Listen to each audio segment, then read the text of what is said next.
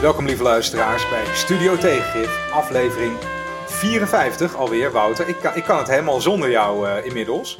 Yes, 54 afleveringen alweer. Ja, een heel, een heel, bijzonder, heel bijzonder aantal. We hebben ook een heel leuk onderwerp vandaag. Wat hebben de ambtenaren nu weer in petto voor Nederland? Daar komen we zo, uh, daar komen we zo bij. Wiemar, ook leuk dat jij er bent. Ja, dankjewel voor deze spetterende introductie, uh, Randy. ja, goed leuk dat jij er bent. ik, heb, ik heb wel een vraag uh, meteen voor jou, uh, Wiemar. Want iemand vroeg laatst aan mij: wat is dat eigenlijk voor soort podcast wat jullie maken? En dan merk ik, ja, god, um, hoe omschrijf je dat nou? Hè? Het is een soort tweewekelijkse babbelshow waarin we een beetje de politiek behandelen op een, op een ja, hoe moet je het zeggen, een beetje afzeikerig toontje, maar wel, wel geïnformeerd. Hoe, hoe beschrijf jij ons product eigenlijk? Nou, ik moet eigenlijk een beetje denken aan de uitspraak van Rutte dat je met 50% van de kennis 100% beslissing moet nemen. Ik denk dat wij met 50% van de kennis 100% alles afzeiken. en ons vooral niet al te serieus nemen. En ja, dat is denk ik wel een goede, goede formule. Volgens mij krijg je een mix van uh, iets van informatie, vooral heel veel gezeik. En uh, nou, niet, niet dingen serieus nemen, een beetje lachen. Dat is en het voor mij eigenlijk wel. Het klinkt een beetje als borrelpraat of in de kroeg zitten. Of nou, een beetje politiek in de, als, in, als, in, als in Football Inside, zo. Nou, dat wou ik net zeggen. Football Inside-achtig werd het laatst genoemd door iemand. En toen kon ik dat eigenlijk ook niet, niet tegenspreken is ook, ja, ik zie jou een beetje moeilijk kijken, Wouter. Voetbal Inside gaat overigens ook gewoon door, zonder dat er voetbal is. Dat zouden wij ook kunnen. maar dat gaat ook helemaal niet over voetbal. Ik, wat ik vaak doe als mensen me vragen van... Oh, oh, je maakt de podcast leuk, waar gaat het erover? Ik zeg van... Ja, we zaten een keer op een terras uh, uh, nadat we een hapje hadden gegeten. En toen uh, lulden we tot midden in de nacht over politiek. Terwijl we bier erbij dronken. En toen bedachten we aan het eind... Ja, wat als we dit nou op zouden nemen? Zouden daar mensen naar willen luisteren? En toen dachten we, nou, laten we dat gaan doen. En toen hebben we dat een week later gedaan. Nou, dat is ongeveer hoe het gekomen is. We hebben, zijn gewoon van bier drinken en lullen over politiek gegaan naar bier drinken en podcasten en lullen over politiek. Ja, en, ik had... ik had, ja. bourgeois klinken wat je nu zegt.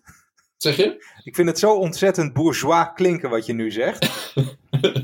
ja, we kunnen wel doen alsof we onszelf helemaal niet serieus nemen en een beetje Veronica Inside noemen of zo.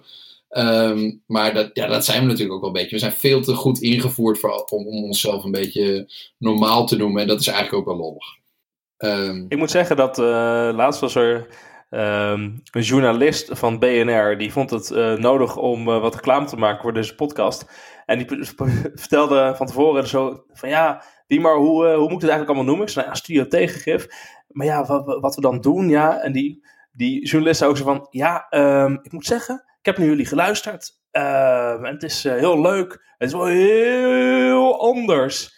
En jullie gaan veel te lang door. Dus we moeten, dat is een beetje zijn feedback. Uh, je kan het nooit op een, op een echt platform krijgen, want het is net een beetje te anders dit. Um, en ten tweede, we, ja, we gaan over het uur heen. Dat vond hij afschrikwekkend. Ja, dat vind ik echt, dat heb, daar hebben we het al heel vaak over gehad. Maar die, die langere uitzendingen, die worden juist beter beluisterd dan die kortere. Daar is iets... Uh... Ja, maar het werkt niet goed als je reclameblokken hebt. Die lui die denken alleen maar aan reclameblokken. En daar hebben wij geen last van. We worden door niemand gesponsord. Nee, nee, dat is goed. Dat is altijd... Ja, we zijn ook onafhankelijk, hè? Onafhankelijk. Dat vind ik ook wel lekker. Onafhankelijk. En meestal is dat woord, dat woord is al zo verkracht en misbruikt door de wereld. Dat, dat moet je nog financieel onafhankelijk. Niemand, het is niemands eigendom. We zijn van niemand centjes afhankelijk. Dat is ook wel lekker. We, laten ons ook niet sponsoren, ondanks verwoede pogingen. Ja, ik, ik ben, ja, never Laten we niet te lang lullen over onszelf. Ja, de zelfpijperij hebben we weer gehad nu. Hey, laten we even naar de gekte gaan. En er, er, is echt maar één gekte waar je het nu over kan hebben, Wiemar. Je had er eentje uh, genomineerd. Ja, uh, het vertrek van uh, Henk Krol bij 50 plus. Dat is natuurlijk al, al gekte op zich, want uh, eh, 50 plus en Henk Krol, dat waren twee handen op één buik, dezelfde persoon. En dat kan niet naast elkaar bestaan, maar dat kan dus blijkbaar wel. Maar er is nog een gekte, want Henk Krol heeft nu ook een nieuwe partij opgericht, samen met een, ook een ex... Kamerlid van andere partijen, zeg maar een ex-partijlid van de Partijen voor de Dieren. namelijk mevrouw Van Koten Arissen. Uh, en uh, Krol gaat nu met deze mevrouw Van Koten Arissen een nieuwe partij beginnen, de Partij voor de Toekomst, volgens mij. De Partij van de Toekomst. Shit, nee, Partij van de Toekomst, maar Partij nee. voor de Toekomst was er al. Ik weet het ook niet meer. Nee, het wordt juist Partij voor de Toekomst, waarvan Neerlanders nee, ja. dit slaat nergens op. Nee, maar er was dus al een, een, een Partij van de Toekomst, hè? Ja, de, van de feestpartij van Johan Ja, de feestpartij, precies. Die, uh, die, die ik nog weet dat dat begon ergens, wat was dat denk ik, in studententijd of zo. Dat die geweldige filmpjes was en iedereen was oh, blij, ja. maar niemand stemde op die gast. Dit was de Partij van de Toekomst. En dit is dus nu Partij voor de Toekomst, omdat het natuurlijk niet hetzelfde uh, moet zijn. Die, maar, dat zo, die heb ik ooit tijdens mijn studententijd opgebeld om te vertellen dat ik een briljant idee uh, wilde. Want hij wilde namelijk de, uh, de uh, BTW op bier wilde hij naar laag zetten. Dat vond ik hilarisch. Uh, maar dat terzijde. wat is dit dan voor ontboezeming? Wat goed, wat goed, ten eerste dat jij je dus bezig hield als student met politiek, want dat heb ik nooit gedaan. En ten tweede, wat supergoed dat je ook nog iemand belt. En heel goed dat je het ook nog doet voor uh, dingen die je dan in je dagelijks leven als student heel erg nodig hebt. Ik vind dit, uh, dit is nogal een ontboezeming. Dus Wouter, jouw eerste treetjes op het politieke pad waren een belletje met Johan over het btw-tarief voor bier. Ja. En ja, wat iedereen heeft zo zijn prioriteiten. Maar wat, wat, wat, wat, is er gek aan uh, Partij voor de Toekomst, Diemer? Nou, wat is uh, sowieso Wat is er niet gek aan? 50-plus discussie begon natuurlijk met uh, Geert Dales, die er als voorzitter binnen is gehaald door Henk Krol om de partij volwassen te maken en wat schoon schip te maken binnen die club. Uh, en Dales was ook weer een ex-VVD'er, dus dat is ook wel, hè, dat lijkt ook allemaal een beetje op elkaar, dit soort mensen. Um, en dit, dat loopt dan vervolgens helemaal fout. En uh, de wat is het, de fractie en de voorzitter krijgen ruzie en het bestuur moet opstappen. En Kool zegt, ik ga niet kiezen om Dales te laten vallen. Dit uh, uh, moet, de leden moeten een uitspraak doen. En zo wordt allemaal doorgeschoven. En één grote ellende. En dan blijkt hij dus al drie weken lang, want al vanaf half april, schijnt hij al bezig te zijn um, met dus zijn nieuwe partner in crime, um, om een partij op te zetten. Is er gewoon al drie weken mee bezig. Uh, dus het is allemaal met voorbedachte raden wat hier, wat hier gebeurt. En het mooiste was dat, uh, dat hij dan bij Nieuwsuur zit. Want dan krijg je wel meteen van Nieuwsuur dan het podium. Om, als hij dan ja, dus ja. een nieuwe partij begint, mag je dan vertellen wat hij gaat doen. Nou, dan gaat hij natuurlijk vertellen dat hij voor ouderen opkomt. Dat er niet tot pensioenen gekort mag worden. En zo allemaal. En dat het helemaal geen vervelende dag voor hem is geweest. Um, maar dan ja. zeggen ze daarvan, hey, jullie website, die ziet er een beetje algemeen uit. Moet je niet toesplitsen op, uh, toesplitsen op ouderen. En dat dan zegt, oh, is net online, we hebben er helemaal niet over nagedacht. ja, hij is er al drie, gewoon drie weken mee bezig. Uh, dus nou, ik vind het, uh, dit is wel totale gekte. Het laat ook zien dat dus blijkbaar iedereen in, in, dat in Nederland heel normaal is geworden om gewoon uit je partij te stappen en iets nieuws te beginnen. En wat een totale gekte is dat de media er zoveel aandacht uh, voor geeft. En dat deze man, Krol, gaat natuurlijk bij de volgende verkiezingen gewoon weer stemmen halen. En 50 plus gaat nu helemaal down the drain. Ik denk dat... Nee, nee joh. Dit, hij, hij gaat geen stemmen halen. Dit is, hij, dan had hij op het oudere spul moeten blijven. Uh, dat, dan, dan ga ik al 100% mee in het cynisme, hè? even voor de goede orde. Maar hij was de grote kampioen voor ouderen en nu zit hij bij Nieuwsuur en dan zegt hij... Nee, ik ben tegen leeftijdsdiscriminatie. Deze partij is voor iedereen denk ik, jee, ja, kom op man. Ja, maar hij, dat wordt dus nou. mooi, want hij moet dus, hij moet dus met die uh, Merel van Koten, moet hij dus nu uh, in discussie of, of, overeenkomen wat voor partij ze zijn. Dus hij kan niet meer zeggen, dat ik ben alleen voor ouderen, want dat vindt zij natuurlijk niet goed. En zij willen ook dat je met dieren en duurzaamheid en dat soort dingen bezighoudt. Dus hij moet een soort, een soort uh, breder verhaal gaan vertellen. Um, en die Merel heeft hem weer heel erg nodig, want hij kan waarschijnlijk in zijn eentje meer stemmen halen dan zij. Dus ze moeten wel met z'n tweetjes. Um, en die Krol moet een beetje proberen om met een nieuw verhaal te komen. En tegelijkertijd toch nog de ouderen aan zich te binden. Hij zit ja, in een hele, hele lastige positie. Maar ik denk dat Krol in zijn eentje wel stemmen kan halen. Nee, dit, dit ontbeert iedere, iedere logica en geloofwaardigheid. Ik zie het niet. Het is leuk om te blijven volgen. Maar ik zie dit niet, uh, ik zie dit niet gebeuren. Want ouderen, dat is gewoon helder. Uh, dan blijf je op die oudere beuken. Allemaal prima. Maar nu is het opeens ouderen en dieren en klimaat of zo. Dat, dat gaat nooit werken, joh. Ja, maar je, wat zeg je nou? Dit ontbeert elke logica en? En wat zijn Geloofwaardigheid. Geloofwaardigheid. Maar dit is toch geen probleem in de politiek? Of wat, ja. als, als dat de, de toesteen is, het ontbeert logica en geloofwaardigheid voor uh, politieke partijen of die stemmen kunnen halen, dan waren heel veel partijen in Nederland ik, ik, in de Kamer gekomen. Jongens, misschien moeten we niet al te veel gaan analyseren wat er bij deze gekte de logica achter een gekte was. Dit is gewoon letterlijk gekte. Dit is een, een soort orgie van zelfoverschatting die, die uh, bij elkaar komt. En, en meer is het niet. Het is gewoon mensen die, bij wie het puur en alleen draait omdat zij ergens mee bezig zijn. En waar ze dan mee bezig zijn, dat maakt echt helemaal nou, niks uit. Voor mij, je kan er wel één ding over zeggen. Namelijk, het is een ijzeren wet dat iedere oudere partij in ruzie uit elkaar valt. Die blijft, uh, die blijft, gewoon, uh, die blijft gewoon heel. En het is volgens mij ook geen toeval dat uh, in een week tijd of zo, of in twee weken tijd, zowel Denk als 50 plus bijna imploderen of uit elkaar vallen. En dat is blijkbaar toch wel lastig om een partij die helemaal draait om het, het, faciliteren van één groep, dus of ouderen of uh, allochtonen, mag het niet zo noemen van Denk, geloof ik, uh, mensen met een migratieachtergrond, dat dat toch niet genoeg bindt. Dus dat een partij zonder een soort van ideologie, anders dan van hé, hey, wij, wij, gaan, wij komen op voor deze mensen, dat je dat niet bijeenhoudt. Nee, dat vind ik echt onzin, Randy. Dat is hier toch niet het punt? Het punt is gewoon dat er uh, ego's zijn die elkaar niet kunnen, kunnen luchten of zien. Die, die niet met elkaar door kunnen. Dat is het probleem bij die partijen. Die ego's die overal. Met, met, uh, met uh, Kuzu en weet ik voor wie allemaal ruzie krijgen. En dan, dan botst het. Dat heb je hier ook. Die, die Henk Krol en vooral die Corrie van der Brink, die nu fractievoorzitter wordt bij de 50PLUS. Dat is natuurlijk ook een onmogelijke vrouw om mee samen te werken. Dus de, dat zijn gewoon de ego's die botsen. En daarom valt zo'n 50 plus uit elkaar. Niet wegens hun hun, uh, hun partijideologie. Het gaat gewoon nee, om het ontbreken. Het ontbreken. Want bij iedere politieke partij heb je mensen die er voor de baantjes zitten en de mensen die een ego hebben. Uh, maar dan heb je soms nog iets, soms nog iets van een soort ideologie die die groep een beetje bijeenhoudt. En als dat ontbreekt, dan is het een kwestie van tijd voordat mensen ruzie krijgen en dan allemaal hun eigen weg uh, gaan. Ik wil het hier minder over hebben. Oké. Okay. Hey, okay, Wouter wil het ook eens veel leukers hebben. We hebben we hebben ook iets veel leukers. Namelijk komen we bij het hoofdonderwerp. Wat hebben de ambtenaren in petto voor Nederland? Want Wouter, de aanleiding eh, voor dit onderwerp is dat uh, de Nederlandse ambtenarij zo ongeveer nou, 2000 pagina's aan plannetjes over de schutting heeft gegooid. uh, een poosje geleden. Kan jij even vertellen waarom we het hierover hebben? nee, nee, op, op 22 april, dus nu iets, twee weken geleden, stuurde de minister van Financiën, Wopke Hoekstra, een, een rapport um, een brief naar de Kamer. En dat ging over de brede maatschappelijke heroverwegingen. En ik denk dat in Nederland uh, normale mensen allemaal niet weten wat de brede maatschappelijke heroverwegingen zijn.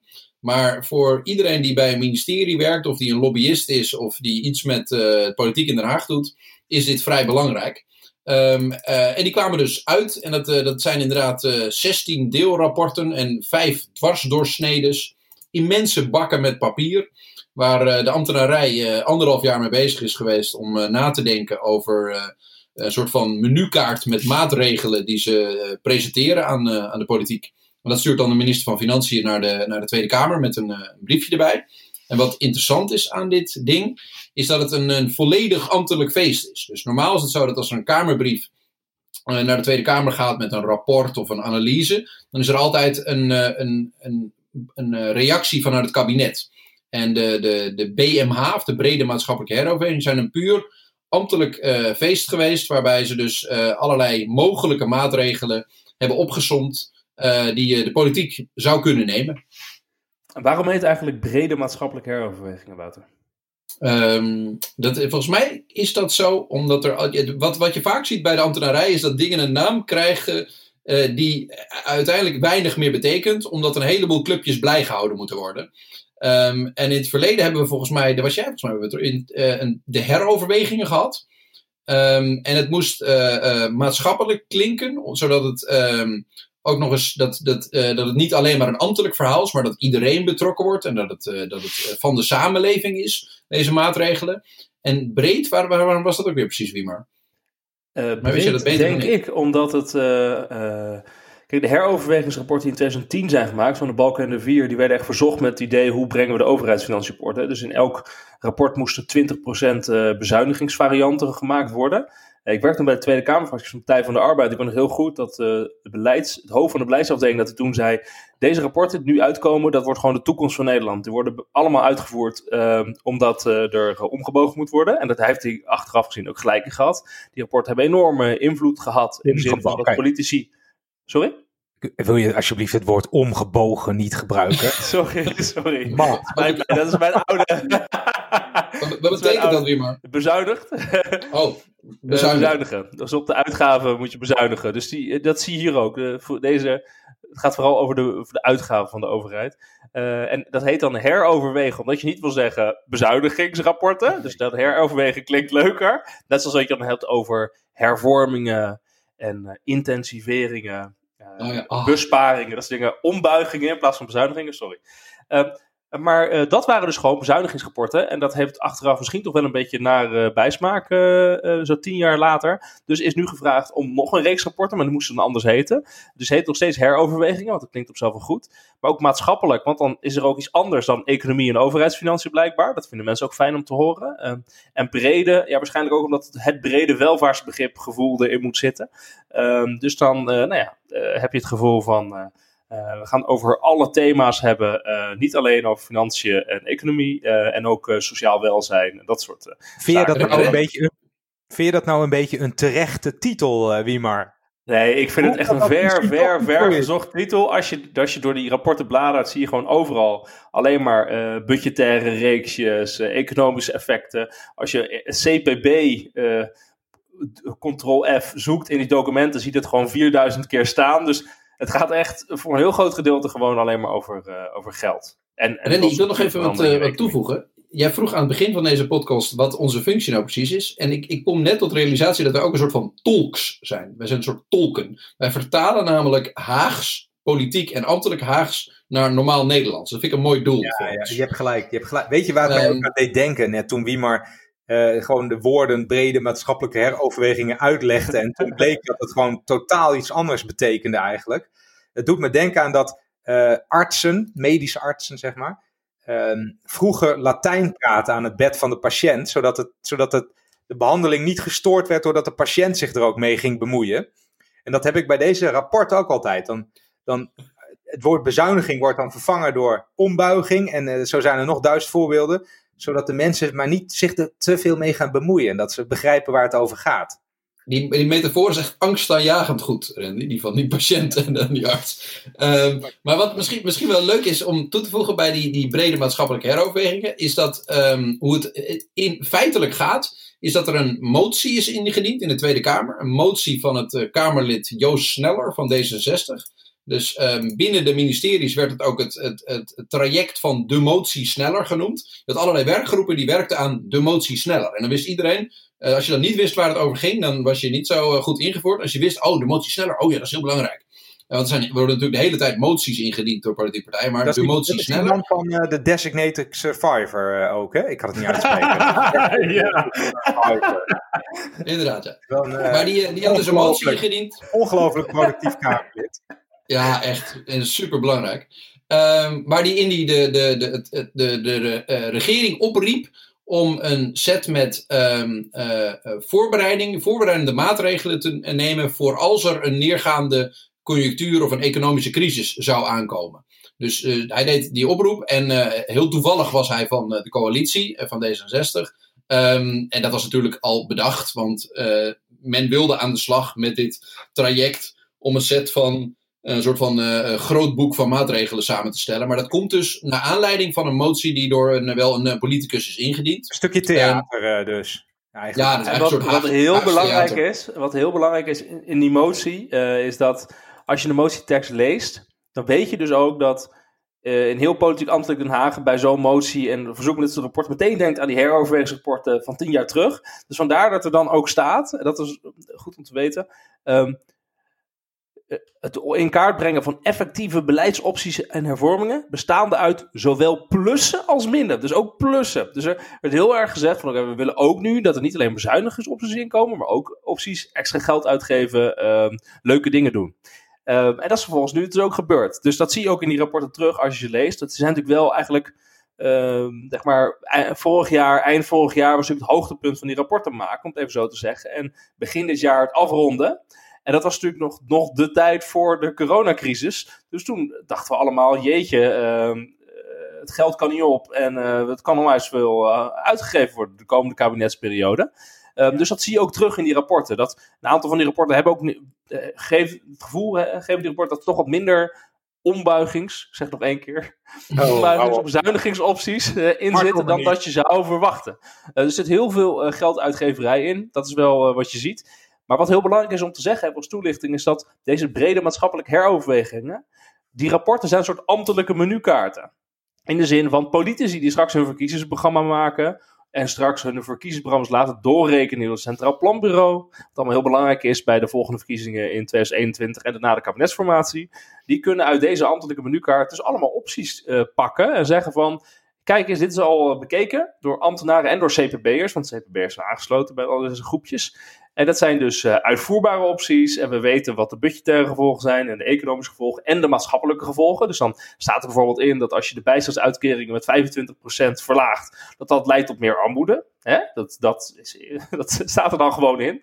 Um, nou, dat oh. weet je dan. Ja, precies. Ja, maar. sorry, sorry. Dus, dus, dus oké. ik dacht dat jullie. Wat hier dus heel belangrijk is om te weten, is dat deze 16 rapporten zijn dus de menukaarten voor de komende verkiezingsprogramma's. dus wat hierin staat, wat hierin staat, is van enorm belang. Want heel veel politieke partijen zullen hieruit kiezen. Alles wat er niet in staat, ja, dat uh, heeft minder kans met een verkiezingsprogramma te komen. Dus als je nu wil lobbyen om bepaalde dingen in verkiezingsprogramma's te krijgen of juist tegen te houden. En je bent dus een lobbyorganisatie, ga deze uh, rapporten doorlezen, want dit uh, wordt van groot belang. Ja, een heel goed punt. Want wat, wat er eigenlijk gebeurt is dat alle politieke partijen die, die zijn nu bezig met verkiezingsprogramma's, commissies. Die zijn aan het nadenken van, goh, wat moeten wij eigenlijk opschrijven? Maar die hebben vaak niet de capaciteit om dingen financieel echt heel grondig uit te zoeken. En hier hebben echt honderden ambtenaren aan gewerkt. En het zijn dus 16 rapporten met allemaal een hele set van fiches. Fiches zijn een soort van uh, plannetjes van, uh, van twee pagina's. Um, waar, waar heel hard aan gewerkt. En eigenlijk is dit een soort van de opmaat tot de verkiezing. Dus het startschot van het verkiezingsseizoen. Um, en het grootste soort van zogenaamd neutrale, objectieve denkwerk voor de verkiezingsprogramma's die nu opgesteld gaan worden. Dat is nu gepresenteerd. Maar ja, normaal kijkt niemand ernaar. Uh, maar wat wel interessant is om te weten, als je uh, lobbykantoren in Den Haag kent. Alle lobbykantoren in Den Haag hebben nu artikeltjes over die brede maatschappelijke heroverweging op hun website staan. Die zijn nu aan het laten zien van, kijk, wij hebben hier verstand van, we hebben hier invloed op uitgeoefend, wij weten waar ze mee bezig zijn. Dus, dus de, de, de Haagse insiders weten dat dit echt heel belangrijk is. Ja, um, en Wouter, weet jij misschien, dat weet ik dus niet, want dit is inderdaad heel belangrijk, deze 16 rapporten. Uh, maar hoe zijn ze op deze onderwerpkeuzes uitgekomen? Weet je dat? Want het zijn ook onderwerpen die er niet in zitten. Ja, daar gaat een hele... En, en, de, en de, de volgorde. Want ik, er, zit een soort, er zit ook een volgorde van belangrijkheid in. Dus als ik op de website zit te kijken, dan heb ik wat. Zit dat erin? Hè? Dus uh, dat, uh, dat, dat vraag ik me af. Um, wat, wat me wel heel erg opvalt bijvoorbeeld, is dat, het, dat als je die rapporten snel doorkijkt en je kijkt, op de website is een heel interactief programma. Kan je echt vanuit de menukaart, vanuit de menukaart, vanuit de menu, een soort menukaart van al die opties erin zitten, kan je zelf kiezen wat je wil. En dan kan je samenstellen, zie je hoeveel geld het oplevert of niet. Weet je, zo, dat soort dingen. Uh, ja, Wouter vindt dat heel mooi. Ik vind dat echt het toppunt van technocratie. Als je dit dus op een website kan doen. Dus ambtelijk Den Haag dus faciliteert als je in hun menukaart dit gaat doen. Tot en met. Er is natuurlijk geen enkele burger die dit doet. Uh, het zijn allemaal lobbykantoren, politieke partijen en, en oh. technocraten. Maar, en ik. Uh, en Wouter Welling. Um, maar wat mij zo erg opvalt als je die rapporten doorgaat, is dat je, het zijn dus ambtelijke rapporten en je ziet ook een beetje wat de, wat de voorkeuren van ambtenaren zijn. Dus wat heel erg opvalt als je het leest, is dat je denkt van, waar, willen de, waar staan nu veel uh, opties met extra geld uitgeven in? Als je daar naar kijkt, dan zie je onderwijs, uh, arbeidsmarkt, vooral talentbenutting, ja. woningmarkt, staat er een heel fonds in, um, klimaat, klimaat um, um, en innovatie en uh, duurzame economie. Als je daar naar kijkt, zie je allemaal ja, maar hier wordt... balletjes geld uitgeven. En waar zie je geld bezuinigen? Het laatste reden maar, hè? Dus over zie je dus zorg. Zorg zie je alleen maar in de min. In de min. Dus alleen maar, eigenlijk alleen maar bezuinigingsopties. Je ziet duurzamere voedselketen, dat kan blijkbaar allemaal goedkoper. En forensische zorg. Maar het is dus wel interessant. Het geeft mij het gevoel van, je kan ook een beetje in de hoofden van de, van de ambtelijke wereld. Van wat vinden zij van belang en minder van belang als het om geld gaat. Nou, dat, dat, dat gevoel. Ik had een paar. Toen ik dit las, kijk, het is, het is natuurlijk gewoon hartstikke mooi en goed dat ambtenaren voorbereid zijn op de toekomst. Ehm, maar waar ik dan een beetje verdrietig van word, jij noemt het al technocratie, maar dat gevoel had ik ook. Van Nederland is gewoon in een totale technocratie beland. En partijen hebben zelf uh, ook uh, wetenschappelijke bureaus, maar daar, daar, zitten, daar zitten twee mensen of zo. Uh, en tien stagiairs. Ja, precies. En dat stelt, dat stelt allemaal helaas veel minder voor dan mensen denken. en partijen hebben zelf niet meer de capaciteit om na te denken over beleid, bijvoorbeeld. Dus ze worden heel erg afhankelijk van wat de ambtenarij zelf al bedenkt. En als ik die rapporten dan een beetje bekijk, ik heb die van de woningmarkt heel goed bekeken, dat gaan we zo als voorbeeld, nog, als voorbeeld nog een beetje gebruiken. Maar dan lees ik gewoon het D66-programma. Uh, eh, dat, in die hoek zit het heel erg. En dat, dat, dat, dan herken ik ook precies die prioriteiten die jij noemt. Hè? Onderwijs wel, zorg niet, klimaat wel, bijstand niet, dat soort dingen. Het is heel herkenbaar allemaal. En eh, er wordt gezegd, en dat heb ik ook iemand op BNR Nieuwsradio horen zeggen, Wiemar. Die zei, ja, maar dit, dit, dit faciliteert de politiek van links tot rechts. Maar dat is helemaal niet zo. Want als je de SP bent, uh, en je, hebt, je, je krijgt dit, dan denk je, waar staan, hè? Waar staan de dingen waar ik al uh, jaren uh, dingen over roep, hè, dat die zouden moeten komen, waar worden die dan uitgewerkt? En dat is heel, misschien dan toch e alvast één woningmarktvoorbeeld. Dan heb je het heel vaak over beleggers, hè? de rol van beleggers op de woningmarkt, die starters uit de markt drukken. Nou, dat gaat het hele rapport niet op in. Het woord beleggers komt twee keer voor. Ik heb het gecontrol-F natuurlijk om het te checken. Dus ik kan net niet zeggen dat het helemaal niet voorkomt, maar het komt helemaal niet op een wezenlijke manier voor en het wordt helemaal niet betrokken in de, uh, in de beleidsvoorstellen. Dat is allemaal heel erg binnen de, binnen de, binnen de gevestigde kaders. Oké, oké. Okay, op het gevaar af dat ik een soort woordvoerder van de overheid ga worden, want dat wil ik helemaal niet zijn. En ik wil ook niet in de, in de verdediging komen van dat dit wel een, topproces is. Um, wie maar jij vroeg van hoe, hoe, ik, ik, mijn hoofdpunt is denk ik dat er veel meer willekeur zit in wat er allemaal hier opgeschreven wordt dan jullie vermoeden. Um, er, de, de, de, uh, je vroeg of er de volgorde of daar een logica in zit. Dat wordt voornamelijk bepaald door het ministerie van Financiën samen met het ministerie van Algemene Zaken. Um, die doen namelijk het, het, uh, het ministerie van Financiën doet het secretariaat van iedere werkgroep van de brede maatschappelijke heroverwegingen. En alleen het ministerie van Algemene Zaken mag in ieder uh, werkgroep zitten. Um, en bij andere uh, werkgroepen werden de departementen uitgenodigd. Dus je hebt telkens een groepje van departementen die met uh, meestal iemand van directeurniveau zitting nemen in zo'n werkgroep. Um, en het is dus niet zo dat er een soort vooropgezet plan is van al die 16 werkgroepen die tot een rapport moeten komen, van wat ze wel en niet goed moeten vinden. Als er een soort grotere lijnen te ontdekken zijn, dan is dat niet doordat het afgesproken is of opgedragen is, want men was echt volledig vrij van enige vorm van, van wil van bovenaf. Ik, ik heb zelf uh, niet, ben betrokken geweest bij een van die werkgroepen. En dan mocht men echt vrij nadenken. Maar wat Randy dan beschrijft is meer dat jij ziet dat onafhankelijk van elkaar verschillende departementen en hele grote groepen ambtenaren toch een beetje dezelfde dingen oké vinden. Uh, en dezelfde ja, gedachtenstromen hebben. Ik, wat ik hier heel erg inlees is uh, kijk, er wordt, mensen denken vaak en zeggen vaak dat de ambtenarij links is, bijvoorbeeld. Um, dan zeg ik altijd dat is juist totaal niet zo. De ambtenarij is heel sociaal-economisch rechts uh, tegenwoordig. En dat lees ik ook terug in deze rapporten, uh, die heel erg binnen dat vaste kader zitten. Want als ik, als ik dan nogmaals naar dat rapport over de woningmarkt verwijs, dat had ook in, in 2005 geschreven kunnen zijn, bijvoorbeeld. Dat is gewoon precies datzelfde denken. Uh, ook in dat, in dat rapport voor sociale zaken, dat heet dan, even kijken hoor, even het lijstje kijken, dat heet dan een of naar een inclusieve samenleving, geloof ik. En daar staan dan varianten in, dat, daar vielen mensen op, uh, dat, dat heeft zelfs ook het nieuws gehaald, dus het blijft niet helemaal verborgen dit. Er vielen mensen ook over de plannen om de bijstand dan uh, een kwart te verlagen, geloof ik, of 20% te verlagen. Um, en vanuit het denken dat mensen dan een prikkel hebben om meer te gaan werken.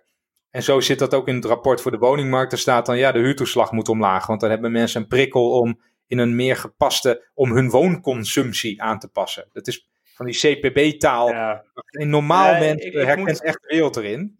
Ik moet, uh, ik moet zeggen, ik, ik ben het wel met je eens. Ik heb ze ook uh, niet allemaal zo één voor één helemaal doorgelezen, maar wel doorgebladerd. En ik heb, vond op de zorg vind ik heel interessant. Want ik ben ooit een keer uh, meer dan tien jaar geleden bij de PvdA gaan werken als medewerker zorg, curatieve zorg. Moest ik allemaal van dit soort rapporten lezen. En echt, jongen, dit rapport had gewoon ook in, 2000, ook in 2009 geschreven kunnen worden. Je ziet alleen je ziet alleen wat kleine verschillen. Je ziet nu bijvoorbeeld erin staan, ja, uh, misschien is een optie om in de toekomst naar een stelsel van gereguleerde samenwerking te gaan. Dus dat dan, hè, dat, dat ziekenhuizen en zorgaanbieders zouden mogen samenwerken onder bepaalde voorwaarden om zorg beter aan te bieden en betere plekken. En dat zou dan geld op kunnen leveren. En er staat in, en dat had, dat had tien jaar geleden niet gekund, er staat nu in dat uh, medisch specialisten in loondienst, hoeveel geld dat oplevert. Dus er zitten wel wat veranderingen. Je ziet ook dus het ambtelijke denken verandert een beetje, maar dat is heel minimaal. Hè? Dus uh, dit zijn ongeveer de grote wijzigingen ten opzichte van een rapport van tien jaar terug als je over zorg kijkt. En het is nog steeds zo dat financiën, VWS en zo vooral bezig zijn met, oh de zorguitgaven lopen de, stijgen de pan uit, hoe gaan we bezuinigen? En dat, dat is gewoon de, de lijn die je al, al, altijd ziet. Ja, dus ik, ik, ben nog even, uh, nog weer een, een kanttekening uh, van, vanuit het systeem. Dat, dat, um, wat, wat ik merkte bij, bij al die werkgroepen toen die opgestart werden, is dat wanneer je ambtenaren de opdracht geeft van jongens, jullie moeten een rapport gaan schrijven met allemaal mogelijke plannen op jullie, het domein waar jullie op werken. En, um, en daar moeten dan intensiveringen, maar ook ombuigingen in staan. Oftewel, je moet plannen om te uh, poenden tegenaan te gooien of plannen om te bezuinigen hebben. En uh, daar zit één hele duidelijke opdracht bij. Ze moesten allemaal één optie erin zetten die 20% van het totaalbudget bezuinigt. Dus je ziet telkens bij al die, uh, uh, bij die, al die rapporten zit één optie en die bezuinigt 20% van het totaalbudget dat eraan voorgesteld wordt.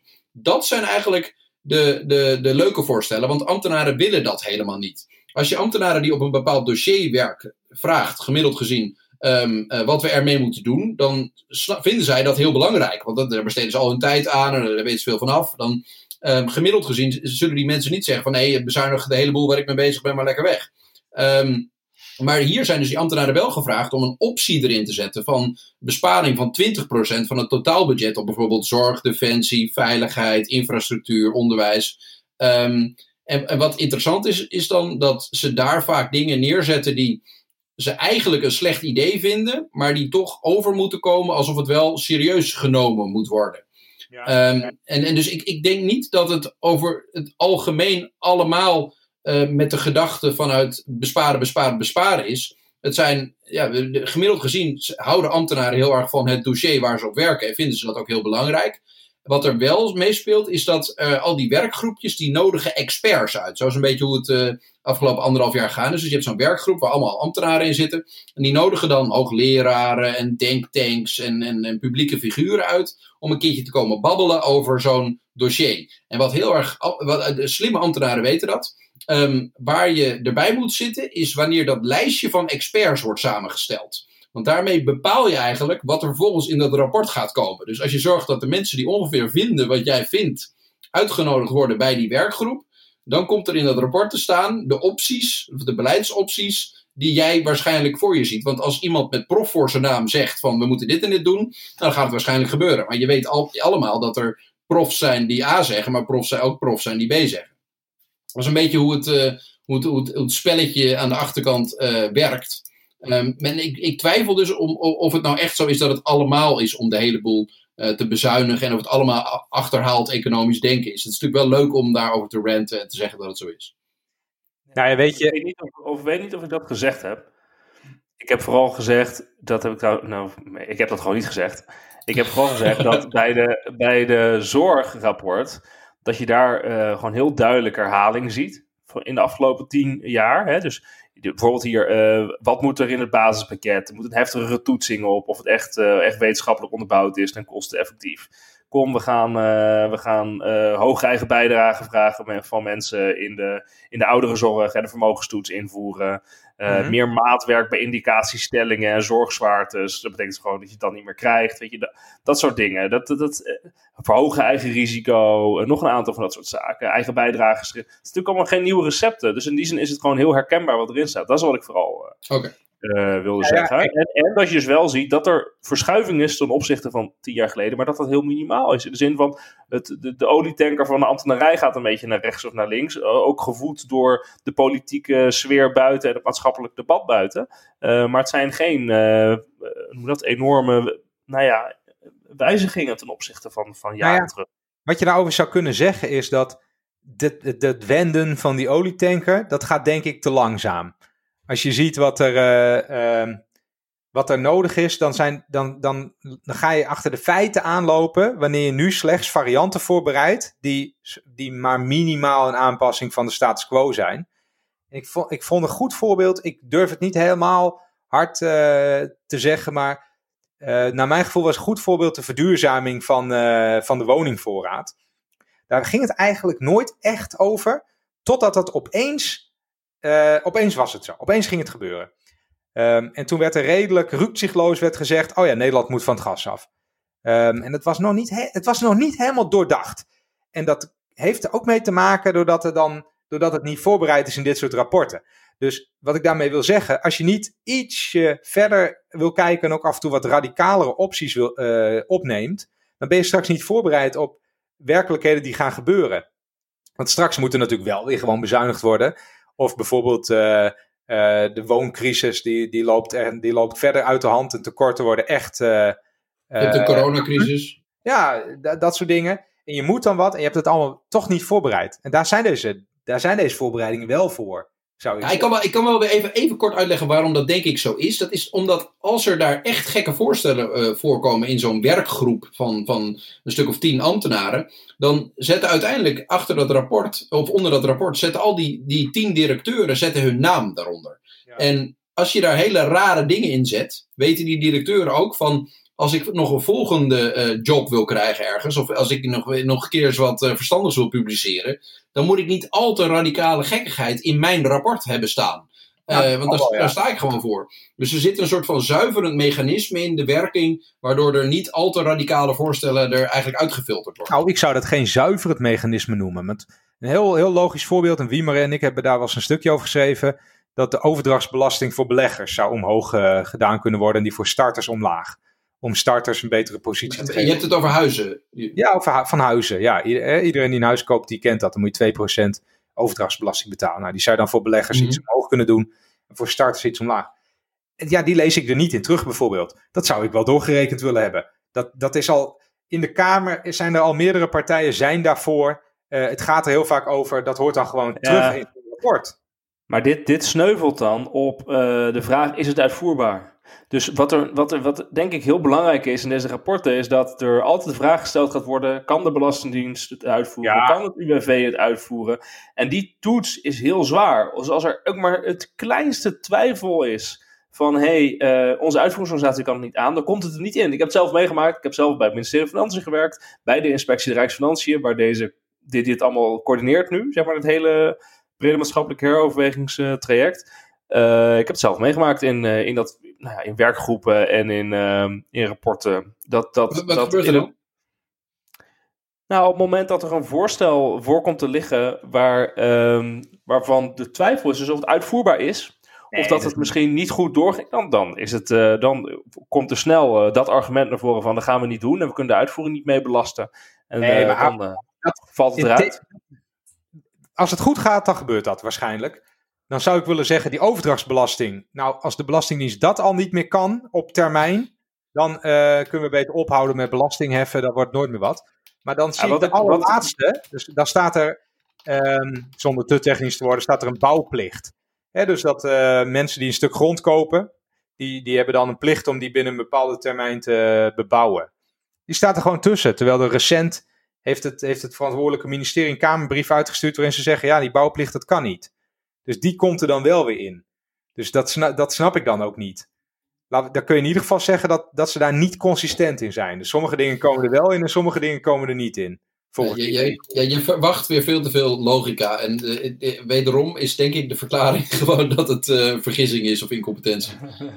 ja, weet je wat me trouwens wel opviel? Ik heb meteen gekeken naar uh, het rapport over de, de, de uitvoering Dus de uitvoeringsorganisaties. En dat gaat natuurlijk dan vooral over UWV en de Belastingdienst, de Sociale Verzekeringsbank, dat soort clubs, waar de afgelopen tijd wat discussie over is. En Bernard de Haar, oud-topambtenaar, is daar, is daar de voorzitter. En die schrijft in zijn voorwoord. Verder trof ons de zware wissel die de laatste jaren getrokken is op de verandercapaciteit van de uitvoerende diensten. Bla bla bla bla. En toen dacht ik, ja, maar dit, is natuurlijk, dit zijn dingen die ze hebben gezien die rechtstreeks voortkomen uit die uh, heroverwegingsrapporten van tien jaar geleden. Ja, ja. Daar stonden zaken in die uh, keihard die uitvoeringsorganisaties hebben, hebben geraakt.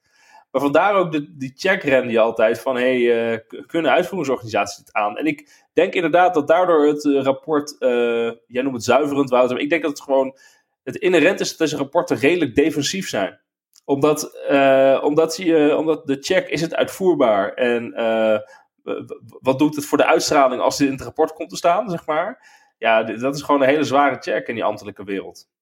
Maar is het dan eigenlijk, als, als we die logica aanhouden, eh, dat dit een beetje defensief is en eigenlijk de echt spannende dingen er niet in zitten, dan is het dan niet, dan, dan zou je kunnen zeggen dat het best een beetje zorgwekkend is dat dit wel echt de uh, maatregelenbijbel is waar de verkiezingsprogramma's zich op gaan baseren. Want dan komen dus de, de dan zijn we eigenlijk een heel uh, een soort van door het systeem georganiseerd conservatief land. Ja, waar heel weinig in verandert. Als dit de menukaart is, nou, dan, dan vreet je elke dag hetzelfde. Ja, ja ik, ben het, ik ben het er niet mee eens. Ik, ik, ga nog even, ik ben het er niet mee eens dat. Uh, ik, ik ben heel groot voorstander van dit soort uh, ambtelijke menukaarten. Dat die gemaakt worden. Ik, vind het goed dat er wordt nagedacht over beleid, of het uitvoerbaar is, wat de gevolgen zijn en dergelijke. Dat het dan elke tien jaar weer eigenlijk behoorlijk veel op elkaar lijkt. Oké, dat is, hoort er dan maar even bij. Maar. Um, het is niet alleen, zeg maar, want wij lopen nu een beetje de ambtenarij, ambtenarij te bashen. Maar het is ook gewoon, de politiek is ook wel defensief in die zin. Hè? Want ik bedoel, de, de, het is een politieke motie die vraagt om dit soort rapporten. Um, en wij willen ook zelf een check uh, als uh, de politieke partijen willen een check op uitvoerbaarheid en op budgettaire gevolgen en zo. Dus blijkbaar zit het in onze cultuur uh, dat we het zo willen. Maar we kijk, tuurlijk, als je zo'n rapport leest, dan, ga je, dan, gaat, dan trek je oog altijd een beetje toe naar de dingen die, die, uh, die misschien een beetje gek zijn. Of waar je lekker kritiek op kan hebben. Uh, er staat heel veel zinnigs in en het is ook goed dat het gebeurt. Waar ik een beetje verdrietig van word, waar we het net al over hadden, is dat politieke partijen zelf niet, niet in staat zijn om dit soort trajecten te doen. Daar ja, dat is ook treurig. En dan kom je dus toch in, in best wel uh, een smal denkkader. Dus wat voor een ambtenaar niet, niet, uh, niet zo logisch is om op te schrijven, dat komt er dus niet in. Uh, terwijl dat misschien wel dingen zijn die, die maatschappelijk wel uh, nodig zijn. En dan kun je er wel het woordje maatschappelijk op de titel ervoor schrijven.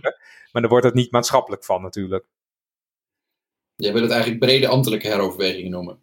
Maar ja, dat leest niemand het. Maar dit zijn toch gewoon ambtelijke verkenningen? Nee, noem het gewoon wat het, wat het zijn. Zeg je, dit zijn ambtelijke verkenningen, punt. Maar jij zegt dus eigenlijk dat er best wel een kloof is, Randy, tussen wat er in deze rapporten uiteindelijk komt te staan en wat de samenleving vraagt. Ja, als je nu, nou, en dan ga ik weer naar mijn woningmarktvoorbeeld, want dat rapport heb ik goed gelezen, dus dat durf ik dan aan. Als ik nu uh, een opiniepeiling zou houden, vermoedelijk uh, over wat, wat is er aan de hand op de woningmarkt, dan zeggen mensen, ja, zijn er weinig uh, woningen. Nou, dat zit er dan in.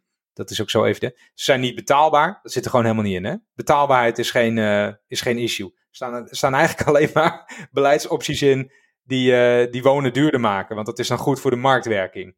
Nou, dat, dat zou ik toch wel, iemand, ik weet niet wie, wie dat woord net gebruikt, dat zou ik wel achterhaald economisch denken durven noemen. Dat is toch wel. Dat, zelf. dat is toch wel veilig. Nee, nee, dat was ik niet. Jij, uh, een, van, een van deze twee gezichten in het scherm, die zei dat, uh, die zei dat net uh, tegen mij. Ja, dat zit er gewoon niet in. En dan de rol van beleggers zit er niet in. Denk ik, ja, dat is zo onderdeel van het politieke debat al geweest. En ook van het maatschappelijke debat. Als je dan een rapport van 160 pagina's schrijft waarin dat eigenlijk niet voorkomt. Ja, dan bereid je niet alle politieke stromingen goed voor op uh, het dragen van regeringsverantwoordelijkheid. Als, en dit, ik heb niks tegen D66, dat is hartstikke een mooie partij.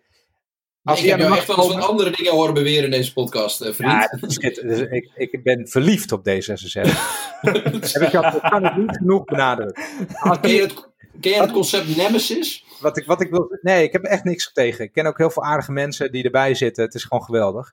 Maar als die aan de macht komen, dan, uh, dan, dan kunnen ze dit rapport pakken en dan is alles wat zij vinden is uitgewerkt. Uh, maar als de SP ooit uh, zou regeren en zij pakken dit rapport, dan staat er eigenlijk van hun programma staat er eigenlijk niks in. Terwijl ze dat al jaren roepen in de Kamer. En dan denk ik, dat is niet goed. En ze zelf kunnen ze het ook niet, hè? Want uh, niet omdat ze dom zijn of zo, maar omdat er gewoon geen geld is om uh, als politieke partij mensen in dienst te nemen om uh, dit soort rapporten uit te werken. Dus hoe, dat... hoe, moet, hoe, moet het dan anders, Randy? Gewoon even kijken. Um, want ik, ik, ik, begrijp echt wat je, wat je zegt. En ik, ik, ik snap ook dat het het systeem is dat dit formuleert. En dat het, een systeem uit zichzelf nooit heel erg radicaal anders over zichzelf gaat nadenken. want dat is niet het belang van het systeem. Maar hoe, hoe zou je dit dan anders kunnen aanpakken? Nou, uh, dus, ik heb dat niet opgezocht als voorbereiding. Maar Nederland geeft per inwoner een ongelooflijk laag bedrag uit aan politieke partijen. Uh, vergeleken bij andere Europese landen. En een democratie een beetje in stand houden, dat kost gewoon energie en geld. Volgens mij, als je in Duitsland kijkt naar de wetenschappelijke instituten van politieke partijen, daar werken honderden mensen die denken na over beleid. Als je in Nederland nu naar de, uh, ik noem een willekeurige partij, maar dus dat is niet, hè, uh, hoe zeg je dat, specifiek als voorbeeld. Maar als je naar de ChristenUnie gaat en je, je zegt dan, nou, de euro, daar is wat mee. We gaan nu een expert monetair beleid een stukje laten schrijven. Die is er niet. Dat kan helemaal niet. Dus ze worden dan afhankelijk van wat de ambtenaren er al over hebben geschreven. En die zitten uh, binnen natuurlijk hun eigen logica. Wat ja, verder prima is. Maar er moet iets naast staan. Jouw punt over checks en balances hier is wel waar. Zeg maar macht tegen macht. Dat, dat is wel, uh, dat klopt. Ik, ik vraag me af, want uh, je geeft hier de, de ambtenarij bewust heel veel macht. De manier waarop nu georganiseerd is. Hè, want die laat je, die, die laat je de, het speelveld bepalen. Hè? Of je laat hen bepalen hoe het menukaart uh, eruit ziet, waar je uit kan kiezen. En op het moment dat de politieke partijen zijn er heel erg buiten zitten, bijvoorbeeld SP of wat, radicalere, aan de radicalere kant. Dit zijn gewoon rapporten van het redelijke midden, zeg maar. Met een beetje uitschieters nog naar links en rechts. En uh, progressief en conservatief, maar het is, het is niet radicaal. Dus daar heb je wel gelijk in. Nou, ik denk dat alles, alles links van de links van het de midden van de Partij van de Arbeid, dat, dat wordt niet bediend hiermee. Uh, ik denk dat het meeste wat GroenLinks uh, roept uh, in de Kamer, dat zit hier ook al niet in, bijvoorbeeld. Hè? nou, de, uiteindelijk heb je dan best wel veel partijen die, die niet zo heel veel kunnen met deze rapporten. Dat, vind ik, dat, dat is zonde. Ja, ik vind eigenlijk wel een goed punt. Ik ben, wel een, een, voorstander van meer het, het, ook het faciliteren van serieuze gedachtenvorming binnen allerlei ideologische stromingen. Um, maar dat, laat het geen afbreuk zijn en dat dit ook een prima exercitie is om af en toe te doen.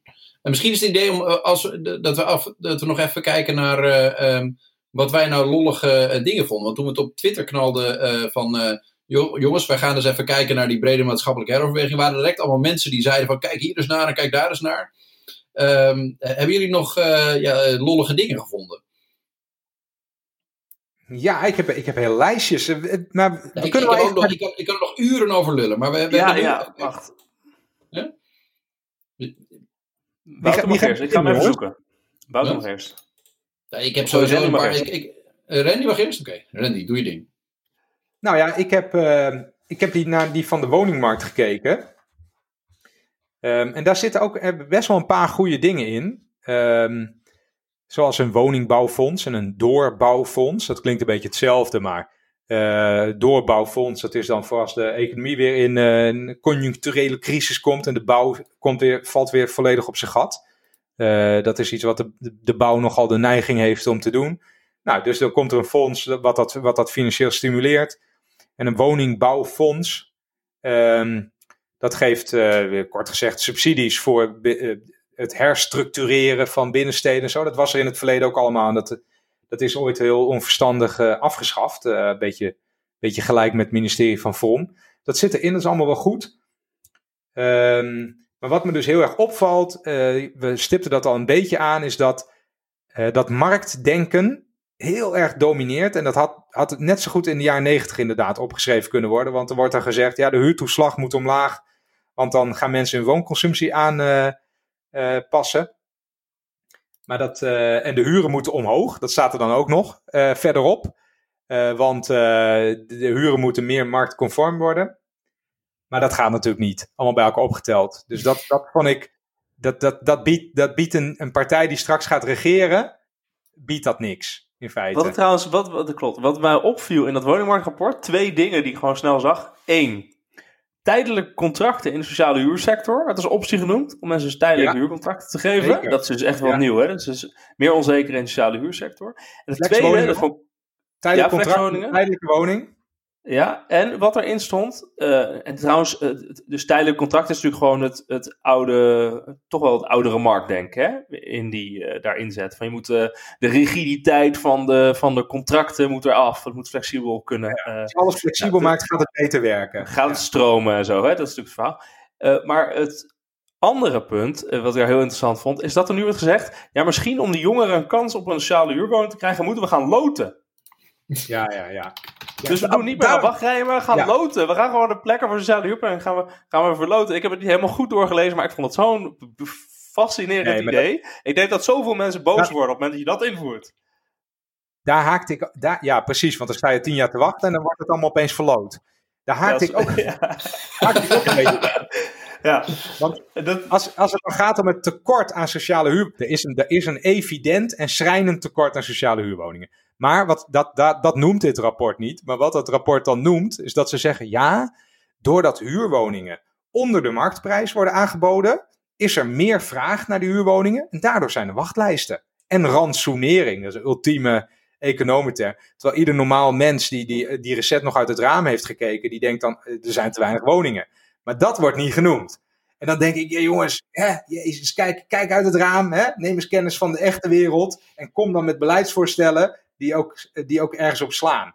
Uh, maar mijn model zegt dit, Randy. Mijn model zegt dit. ja, nou, dat vond, ik, dat vond ik erg teleurstellend. Maar wat ze wel zeggen, uh, dus dat is echt voortschrijdend inzicht, uh, dus, dus, ze verdienen ook wel een compliment, is dat het, de Rijksoverheid weer regie moet nemen op de woningbouw. Want ze zeggen, ja, het is nu onhelder of dat hele decentrale systeem waarbij gemeenten dan ieder voor zich prognoses maken en beleid vormen, of daar eigenlijk wel genoeg woningen geprogrammeerd worden. Nou, het antwoord is uh, dat er duidelijk te weinig woningen worden geprogrammeerd en dat er daarom ook een tekort is. Maar het Rijk, het Rijk zegt ja, wij hebben een verantwoordelijkheid. Vind ik wel logisch. Waar ze dan niet op ingaan, is of het, het heroprichten van een ministerie van From dan zinnig is. Want daar heeft de Kamer zelfs al een motie over aangenomen. Maar daar gaat het verder niet op in. Dat lijkt mij wel goed. Als de Kamer zegt, we willen het ministerie van From terug, lijkt het me handig dat de ambtenarij zich daar inhoudelijk op voorbereidt.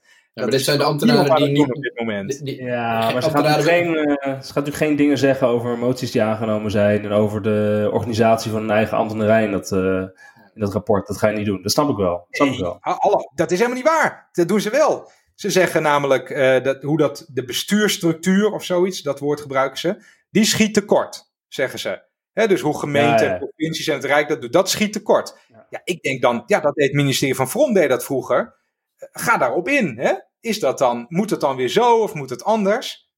Dat ja, maar oké, maar ze houden bij algemene termen. Ja, ik vind trouwens die, die redenering van er is te weinig regie vanuit het Rijk, denk ik, ja, dat zag je vijf jaar geleden ook al. Hè? Dus voor mij is dat een teken dat dit soort rapporten, dat het heel langzaam gaat met dat, met dat ja. nieuwe denken. Net zoals dat punt wat ik zei over... binnen. Ja, de realiteit, er zit een vertragingsfactor van een jaar of vijf, zeg maar. Hè? Dus dat, dat, dat is hetzelfde met... Uh, met wat ik vertelde over de zorg en dat er nu staat uh, gereguleerde samenwerking. Ik wilde er ergens anders over hebben, gewoon omdat ik het briljant vond. Uh, ik heb even kort gekeken in het uh, rapport toekomstbestendige mobiliteit. En toekomstbestendige mobiliteit is gewoon één grote voorsortering op rekeningrijden en je moet uh, spitsheffingen en dat soort dingen, maar dat staat er allemaal natuurlijk niet in. Maar dat is wel wat erin staat, wat er eigenlijk in staat als je door de, doorleest. Maar oké, maar ik vond het geweldig deze uh, zinnen, in, ja, deze zinnen in de, in de samenvatting. De aangrijpingspunten voor beleid. Er zijn allemaal hele grote dingen in. Grote dingen in. Over, uh, over mobiliteitsopgaven en bla bla bla. En dan ineens, derde punt. Derde punt is dat de regulering op het terrein van de verkeersveiligheid de technologische ontwikkeling van voertuigen niet kan bijhouden. Bijvoorbeeld bij e-bikes en bakfietsen, waardoor verkeersonveilige situaties zijn toegenomen. Dat zien vooral terug in de cijfers voor het aantal verkeersslachtoffers onder de 65-plussers. En toen dacht ik, wat doet dat in dit rapport? En vooral onder het kopje aangrijpingspunten voor de lange termijn. Want op de lange termijn zijn die 65-plussers allemaal dood. maar ik vond het ik, dacht van, ik dacht van, dit is, dit is van een, een grote, van een probleem, dat dat in zo'n rapport terechtkomt. Maar tegelijkertijd is het misschien wel een brede maatschappelijke vraag. Nee, dit, dit is gewoon één ambtenaar die, dit, uh, die, die, die zich hier helemaal stierlijk aan ergt, ergert en die dit erin heeft gefietst. Ik ben, ik ben ook laatst aange, bijna, bijna aangefietst door een bakfiets. Daar gaat het over, toch? Of niet? Ik vond bijna het gaat over e-bikes, dus dat zijn ouderen. En, en e-bakfietsen, dat zijn mensen als Wouter. Van Arrow. dat, zijn, dat, zijn, uh, dat zijn juppen met kinderen. Wat kost zo'n bakfiets eigenlijk? Heb jij zo'n bakfiets, uh, Wouter? Ik heb, ik heb drie weken geleden tweedehands een e-bakfiets gekocht. Shit, Wat kost weet... dat? Wat kost dat zijn sletten. Die moeten we er straks uitklippen. Het is killing voor de beeldvorming. Het is gewoon wie jij bent. Uh, ja, precies. Ja, je, je wordt op een gegeven moment in het leven alles waar je een hekel aan had. Um, maar mag ik, ik, ik wil nog wel even, want we hadden afgesproken dat we een keer uh, um, een, een, een aflevering met een beetje een, wat kortere tijdspannen zouden maken. Ik wilde er zitten een paar prachtige dingen in die brede maatschappelijke heroverwegingen. En er zitten ook een paar hobbyhorses van Studio Tegengif bij. Uh, allereerst, ja, ik heb zelf wel aan de nummer 13 uh, over de betere overheid voor burgers en bedrijven meegewerkt. Nou, daar zitten een paar uh, goed uitgewerkte ambtelijke voorstellingen in. Uh, ja, dat is de beste, heb ik gehoord, of niet, Wouter? Ja, dat is echt kwalitatief goed opgesteld. viel meteen op toen ik las.